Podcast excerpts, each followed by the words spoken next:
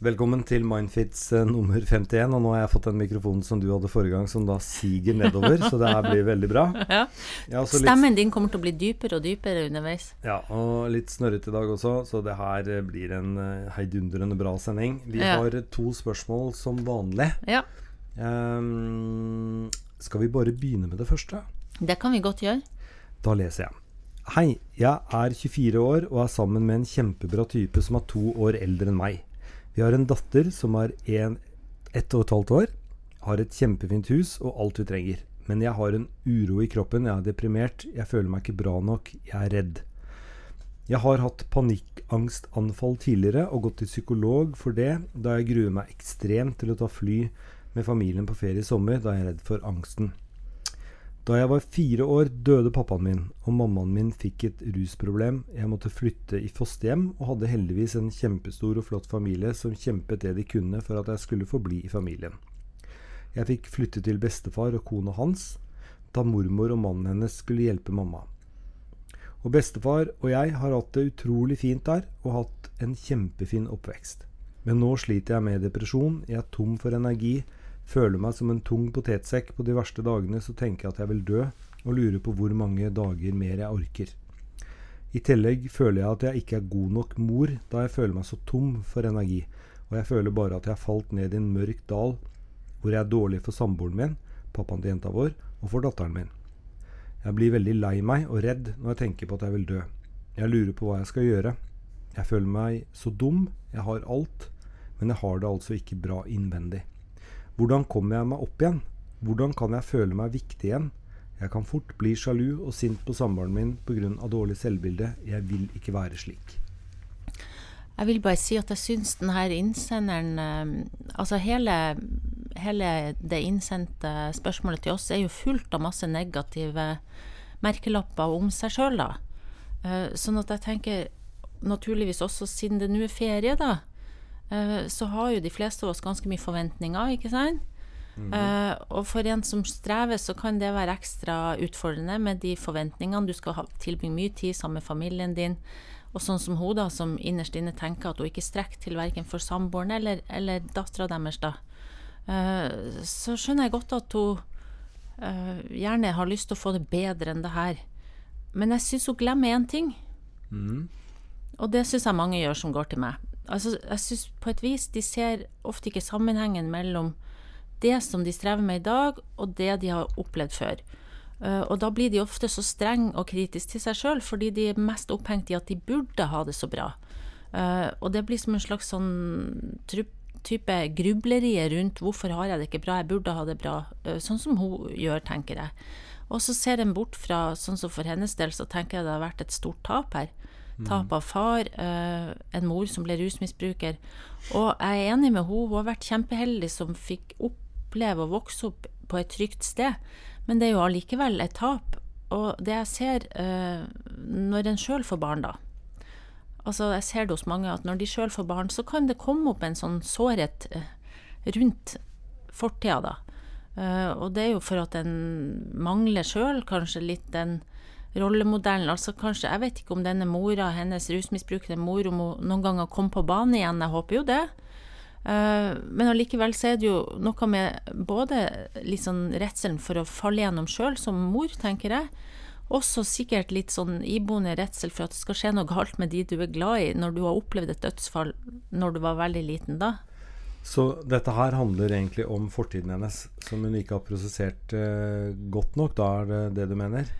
Jeg tror i hvert fall det er verdt å spørre seg om det er en sammenheng der. Jeg skal jo ikke være for skråsikker, da, men jeg tror hvis du hadde kommet til meg, så ville jeg ha eh, snakka litt om den sammenhengen og prøvd å se om noen av de eh, reaksjonene hun har i dag, kan henge sammen med noe av det hun har opplevd før, og at, at det kan hjelpe å få ramma det inn på det viset. Få litt mer mening og forståelse i hvorfor en strever da.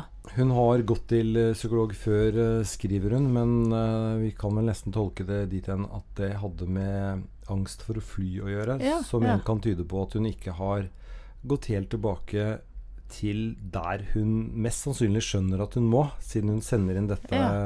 brevet. Altså, det er jo vel og bra å jobbe med flyangst, og mange kan jo få god hjelp av å ta tak i plagene du har akkurat her og nå, og håndtering av dem. Og jeg sier jo ikke at det ikke nødvendigvis heller kunne vært en god idé her.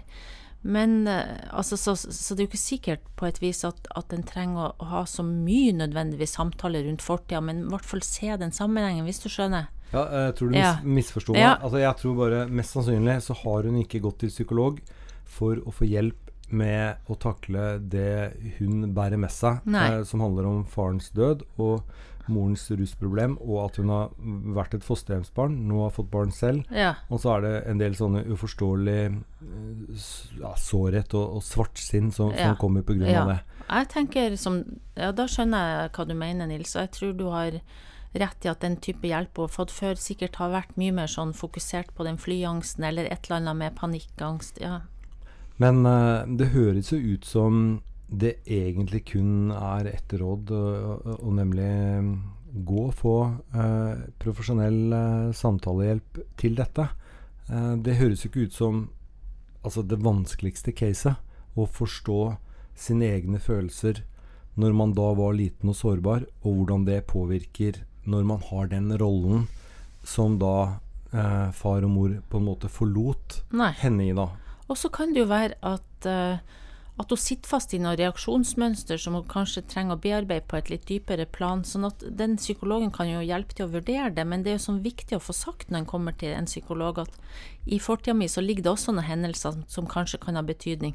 Så er jo psykologer forskjellige. Noen vil øh, liksom Fortida er ikke så viktig, vi bare håndterer det som skjer her og nå. Men jeg tenker hvis hun har prøvd det før, så kan det være viktig å prøve å gå litt dypere inn i det. Eh, og så er det oppi det så tenker jeg litt på den partneren hennes, og det å, å kunne snakke sammen de to, da. Ja, det er vel egentlig å begynne der, kanskje. Ja. Eh, fordi igjen så er det ikke alle som har råd til psykolog. Nei. Eh, så, så det, altså, det hjelper bare å snakke med noen. Det hjelper til med å snakke til sitt eget speilbilde. Altså, det Ja. er bedre enn Ja. å la være. Ja. Men, eh, men partneren er jo kanskje da den tentativt nærmeste hun egentlig bør eh, Ja, snakke med. altså for det er noe med, som hun sier sjøl, at hun er jo sjalu og uh, utrygg på han òg. Og det er jo også noe med å tørre å snakke med han om de her negative tankene hun har om at hun ikke er bra nok for dem. Det kan jo høres ut som hun er litt nedfor, ikke sant? Eh, og at hun trenger eh, å tørre å snakke litt om det. Veldig mange har mye skam knytta til at de ikke føler glede, da. Mangel på glede når de er sammen med sine nærmeste. Og, og jeg tenker, men hvis du er nedfor, så, så er det der um, en bit av det å være nedfor, så det er egentlig ikke noe eh, som, som en bør skammes for. Eh, altså, det er jo enklere sagt enn gjort å ikke skamme seg, men en bør jo Altså, det er noe som mange forteller meg at de kjenner på, og det er ganske vanlig når en er nedfor. Mm.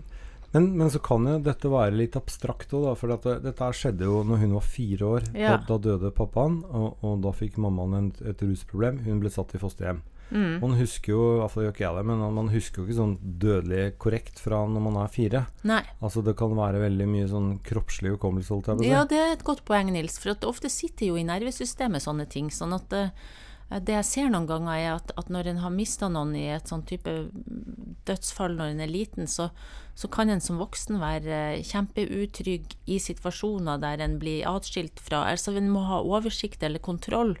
Litt sånn som i et fly, ikke sant. Da har en ikke kontroll.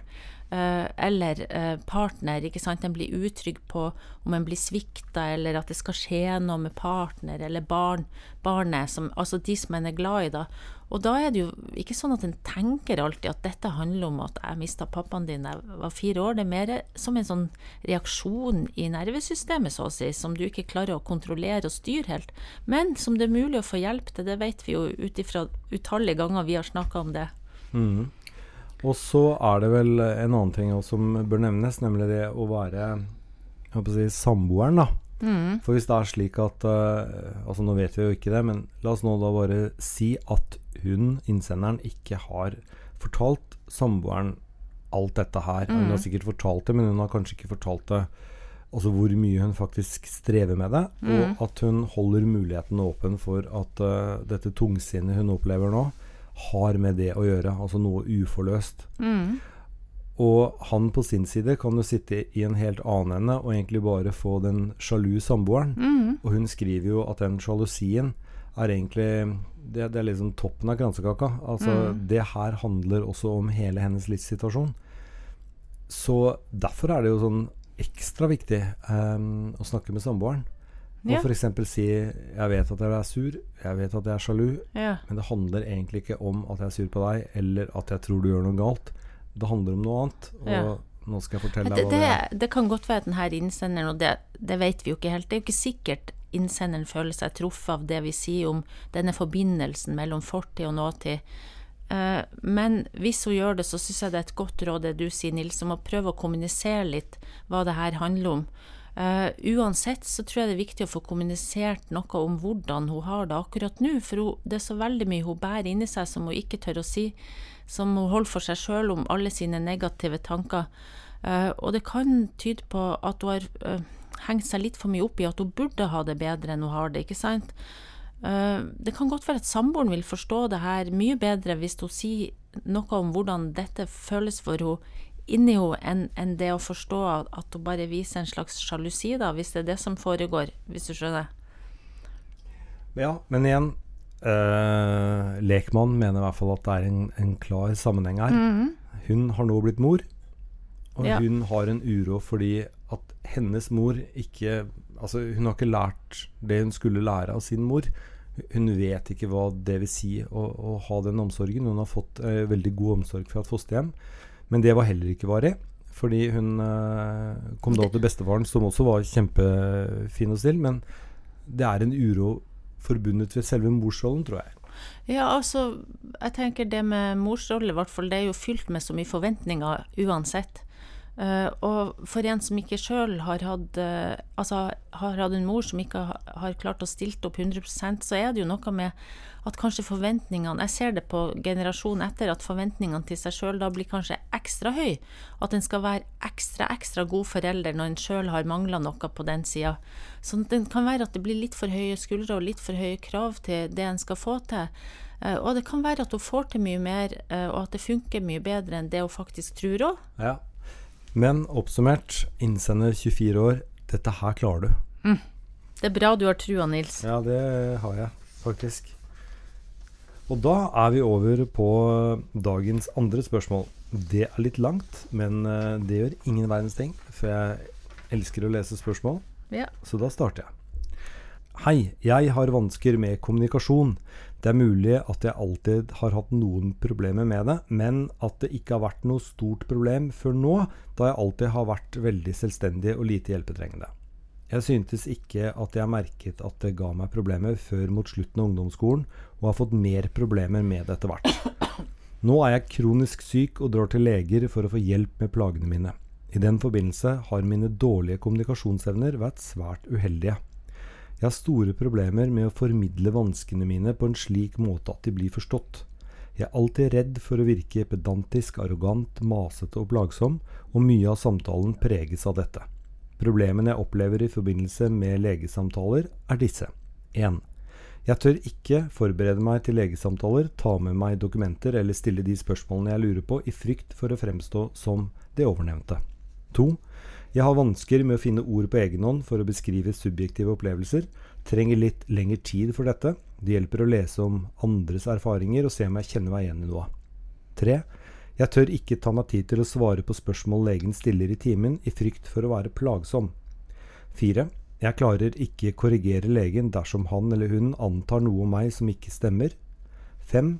Jeg klarer ikke å gi opplysninger som jeg mistenker er av vesentlig betydning for legens vurdering og avgjørelser i frykt for å virke pedantisk, arrogant, masete og plagsom. 6. Jeg syntes det er veldig vanskelig å se fra om at en behandling de foreskrev ikke fungerte. 7. Jeg klarer ikke å spørre om bestemte diagnoser, tester eller medisiner i frykt for å virke arrogant og plagsom. Som oftest fører dette til at jeg blir misforstått og feilbehandlet. Det blir foretatt unødvendige undersøkelser, og kanskje ikke de nødvendige, og at ukorrekte opplysninger blir notert i journalen min. Det fører også til at jeg drar til nye leger dersom jeg leser i journal at det har hendt misforståelser, eller dersom behandlingen de foreskrev ikke virket. Jeg har mye av de samme vanskene i kommunikasjon med andre mennesker, men har ikke så mye sosial omgang. Det mest brysomme er at jeg ofte kjøper ting jeg ikke ønsker fordi jeg ikke klarer å snakke med selgere. Er det noe jeg kan gjøre selv for å bli flinkere til disse tingene? Ja. Eh, en av de første tingene jeg vil si, tenker ikke du òg det, Nils, at det er jo veldig Hun er i hvert fall flink til å sette ord på det som hun tenker per brev. Ja. Sånn at det er nå Umiddelbart tenker jeg at dette er jo en person som klarer å skrive uh, det som hun har problemer med å si høyt. da. Ja, så da, da handler det om at uh, hun kan kommunisere. Check. Ja. Det er bare noe da Ja. mystisk. Altså fra hjerne til hånd, Ja. til ark eller til tastatur. Funker som fjell. Og så er det altså fra hjerne til munn, rett ut, som hun selv mener at hun har utfordringer med. Ja. Og så eh, sa jeg til deg at jeg, Det sa jeg i forkant, det vet jo ikke de som hører på, da, men jeg sa noe om at vi skulle snakke om noe som heter talentoverslagmodellen i dag. Ja, og jeg aner ikke hva talentoverslagmodellen er. Nei, fordi jeg tenker at uh, denne innsenderen har et talent, som hun sjøl nevner. Og det er at hun er selvstendig og lite hjelpetrengende. Det er et talent. Mm. Uh, men det kan bli for mye av det gode. Uh, og jeg tenker at i dette tilfellet, altså for mye av det gode betyr at når du har det talentet, uh, så kan du få en overslag i den, den retning at du ikke vil være til bry. Overslaget blir at jeg vil ikke være til bry, eh, og så eh, ender det med at du i det hele tatt aldri skal være til bry, hvis du skjønner, i frykt for å virke arrogant og masete og alt det negative som hun har satt av merkelapper på det, da. Men uh, ja eh, En mulighet. Men jeg er ikke helt ferdig. Okay. For at altså, overslaget er jo uh, at en for enhver pris ikke vil framstå som å være til bry. Så en får en, et slags allergi, kan du si. Eh, en allergi mot å virke masete og plagsom. Eh, og det gjør jo at utfordringen blir, eller det viktige her, det blir jo å få til en balanse mellom talentet ditt, som er at du er selvstendig eh, og lite hjelpetrengende, og allergien din, da, som er den her redselen for å være brysom. Så må du prøve å liksom balansere det her, sånn at du samtidig tør å spørre og kreve deg, uten å tenke at du nødvendigvis er brysom. -hmm. men, men det er jo en sånn del av den norske folkesjela å på, i hvert fall late som eh, at vi ikke skal være til bry. Ja. Og det var en, eh, en eh, kamerat som fortalte en historie om eh, hans mor som hadde glemt å kjøpe en, en julepresang til sin beste venninne. Og de var på overtid på julaften og endte på Coop-en. Og det eneste de hadde Altså du kan velge mellom konfekt eh, eller julestjerne. Og valgte da en julestjerne og kjørte opp til denne venninnen. Og så er det et sånt langt sånn skuespill. Eh, og jeg skal ikke komme inn. eh, ok, kommer inn allikevel. Kan bare være fem minutter. Um, og man sitter liksom helt ytterst på stolen for, med jakka på, men tar av seg på beina for å liksom vise at man skal forsvinne med en gang. Og sitter der i tre-fire timer. Og, altså, det, det er egentlig et sånt spill, da. Så det kan jo være en del av det å være born and bred nordmann, er liksom at i utgangspunktet så skal vi ikke være til bry. Det er helt sant, det, men, men det, det er liksom fortvila for denne innsenderen, fordi har, hun har jo en kronisk sykdom. Og det er jo viktig å kunne spørre om, eller følge opp den sykdommen. Og, og du kan jo ikke regne altså Det er jo du som har best oversikt på alle Ja. vis, ikke sant? Sånn at du må liksom utfordre deg, da. Sånn at hun kan godt ha en god dose av det du sier, av sånn type norsk eh, eh, Vi skal ikke være til bry, men, men her har det jo gått stokk over stein. Så jeg tenker Eh, jeg tenker litt på at hun må stille seg det spørsmålet og med hvorfor hun ble så selvstendig. Altså, var det sånn at hun aldri har fått lov å være til bry, hvis du stiller det motsatte spørsmålet? Men bare for å fortsette litt på Ja. den der eh, norske folkesjela, Ja. for det er jo misforstått. Ja. Og du er jo en fagperson, du er en psykolog. Hvis du får en pasient som du oppfatter er mer enn gjennomsnittlig opplest på øh, hva som feiler en, Mm. føler du det da at pasienten er til bry hvis den stiller oppfølgingsspørsmål og, og, og sånne ting? Nei, altså, det Jeg tenker at de fleste helsepersonell eh, Jeg skal ikke snakke for de andre, da, men, men det viser jo interesse og engasjement, og det er jo øh, deres liv. Sånn at jeg tenker at de har jo rett til å stille de spørsmålene, absolutt.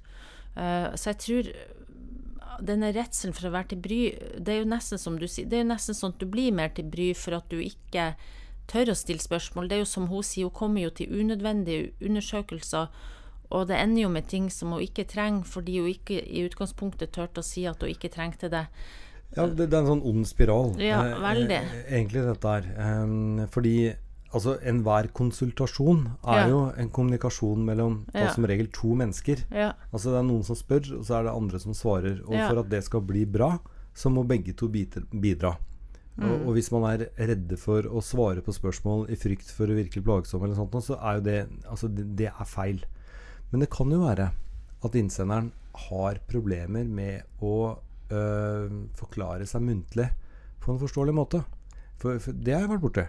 Altså folk som skriver helt grunnleggende fantastisk, men når de skal prate, så er setningene litt hulter til bulter, og man begynner med feil Ja, ord og sånne ting. Jeg, jeg har ikke den følelsen her, egentlig. Jeg har mer følelse av at dette må være redselen for å være til bry er det aller viktigste. Da. Men, men innsenderen sjøl får nå vurdere litt uh, hva som passer for vedkommende, da. Men uh, fordi jeg, det, det er jo flere som går til meg som forteller. Det er kanskje sånn at de klarer å slappe litt mer av når de er sammen med meg. For meg møter de oftere enn legen, hvis du skjønner. Og som forteller at når de kommer til legen, så klarer de aldri å komme på hva de skal si, og, de må skrive på en lapp hva de skal si. Fordi ellers så kommer de ikke på det, og når de går ut døra, så har de glemt halvparten og sånn. Så jeg tror det kan også handle litt om noe autoritetsskrekk, eh, at du, også at det er enda sterkere når du står foran en autoritet, hvis du skjønner. Men hun skriver jo f.eks. på punkt to da Jeg har noe vansker med å finne ord på egen hånd for å beskrive subjektive opplevelser. Altså hun har ikke det problemet når hun skriver. Hun Men skriver at hun trenger lengre tid for det her. nettopp. Og det tenker jeg Hvis du snakker med noen som vet at du trenger lengre tid for å få satt ord på ting, eh, så får du jo den tida i større grad. Sånn at jeg håper jo Egentlig skulle jeg ønske at denne innsenderen kunne vise, hvis det er en fastlege går til, kunne vise fastlegen litt disse punktene, og, og kunne for, for, forklart litt at sånn er det. Jeg syns nesten du burde vært her, jeg. Så Ja. kunne, kunne vi hørt Og, vært her. her i, podkaststudio. Fastlegen. Nei, hun. Ja. Så, så altså, jeg bare lurer på om det er frykten for å ikke kunne kommunisere muntlig som er liksom det sterkeste som gjør igjen da at det blir en sånn ond spiral, og så Ja. bare baller det på seg. Men der tror jeg Ja, vi har litt forskjellig innfallsvinkel, rett og slett. Jeg tenker frykten for å være til bry er viktig her, og at eh, alle hennes eksempel egentlig går mye på det her med å heller komme seg ut av situasjonen på en annen måte enn å være til bry for noen. Eh, sånn at jeg tenker at dette er noe jeg kjenner igjen fra flere. Det er litt sånn viktig å få sagt. Og at da mister de munn og mæle, og at det blir eh, vanskelig å hevde seg, og at det handler mye om at, at en ikke vil eh, Nei, en er vant til å klare seg sjøl òg, sånn som hun sier. Sånn at hun var, har alltid vært lite hjelpetrengende, så det å være i en sånn hjelperolle er også vanskelig, da. Fordi hvis du har en kronisk sykdom, Mm. så er det vel da lett å, å føle seg til bry. Ja, jeg tror, jeg tror altså, Der er det jo så forskjellig. Noen klarer jo veldig godt å stå på kravene sine, men jeg ser veldig mange som, som ikke klarer det, og som syns det er kjempevanskelig, og som må gå tilbake flere ganger for å få sagt det de skulle. Og så spør hun oss hva hun skal gjøre. uh, og jeg tenker uh, det aller, aller viktigste er jo legen her, da. Eh, og at jeg håper virkelig at hun kan enten Altså, det går an å ta med noe skriftlig til legen. Det er flere som kommer til meg med ark, og så, og så leser de opp, eller jeg får lese det de har skrevet. Og da er det nettopp litt av samme grunn at de jo da, de klarer å finne ordene kanskje hvis de slapper litt mer av i en annen setting, men de syns det blir vanskelig uh, der og da når de sitter sammen med noen som liksom skal prøve å forstå dem, og, og da klikker det inn et eller annet som Sånn at jeg tenker at dette er ikke så uvanlig heller, så jeg tror jo en lege har vært borti det før òg. Sånn at eh, kanskje det kunne vært et første skritt, da. Mm. Men hennes løsning på denne utfordringen er i hvert fall ikke riktig. Selvfølgelig så må hun eh, svare på spørsmål til lege. Selvfølgelig så må hun eh, artikulere, om, om så skriftlig, eh, på hvordan hun føler det. Fordi hun har da rett på en riktig hjelp, og det er kun én måte å gi dem på, nemlig at hvis da to parter faktisk kommuniserer. Ja, jeg håper at innsenderen får til det etter hvert, og at, at her blir det viktig å, å sette seg noen noe litt sånn små mål rundt det her. For at det, det hun har gjort, hun har jo løst det ved å skifte lege når det har blitt feil, hvis du skjønner. Så, så kanskje i det legeforholdet der vedkommende nå, at det går an å, å, prøve å få satt noe mer ord på akkurat det her. Det går an å be om en, en dobbelttime, sånn at en ikke føler at det er så travelt. Mm. Og så kanskje få satt av litt mer tid til å si noe om det. Og jeg tror det hadde vært veldig mye mestring i å sette seg, altså sette seg noen små mål i forhold til det her med å, å tørre å, å, spørre om ting, og tørre å, kreve seg og tenk litt på det jeg sa om at, at, kanskje har hun fått litt vel mye allergi mot det i frykt for å virke brysom og masete. Mm. Og at hun er egentlig ikke det. Så det er liksom viktig å, å prøve å, å, få noe ny erfaring på at faktisk så, så vil eh, dette gå helt bra, hvis hun tør, tør å spørre litt mer. Ja. Eh, bare en liten slenger tilbake ja. til kronisk sykdom. Ja. For det er, no, det er jo noen kroniske sykdommer som er mer tabubelagt enn andre. Det jeg bare tenkte på nå ja, Vi aner ja. ikke hva slags kronisk sykdom hun har. Men, men, hvis du f.eks. har selvpåført kols, ja. eh, så er jo det en kronisk tilstand. Ja, det er det. Eh, og du har fått den fordi du røyka. Du mm. trenger jo ikke ha røyka for å ha fått kols og sånne ting, men altså, hvis du har gjort det, da skjønner jeg at man kan føle seg til bry. Altså, og, og, og, da bare tenkte jeg at, uh, at pasienter med med slike kroniske sykdommer, de har jo jammen meg behov for å ha noen å snakke med, de òg. Mm. Og det å føle seg til bry, og det er en litt sånn grunnleggende i, i, mange av oss, som du sier. Det, det er noe litt norskt med det, men det er også noen som er veldig oppdratt til det, altså. Det er noen som går til meg, det fins flere som går til meg der litt av temaet vi jobber med, det er faktisk at de hele oppveksten har fått hørt at de må gjøre seg mest mulig usynlige og ikke være til bry. Og det er klart at da blir de litt sånn som det her, at de tør ikke. Det er uvant og, og ikke det de er oppdratt til i det hele tatt. Og neste gang vi høres, da er det altså podkast nummer 52. Ja. Og da har vi også et lønnlig håp om at vi skal spise kake. Men du, da er det sommerferie imellom nå? Ja, det er det. Ja, Nå blir det ikke før i august, antar jeg, eller? Ja, jeg er nå på jobb, jeg. Ja, du er alltid på jobb. Vi får se. Ha det bra. Ha det.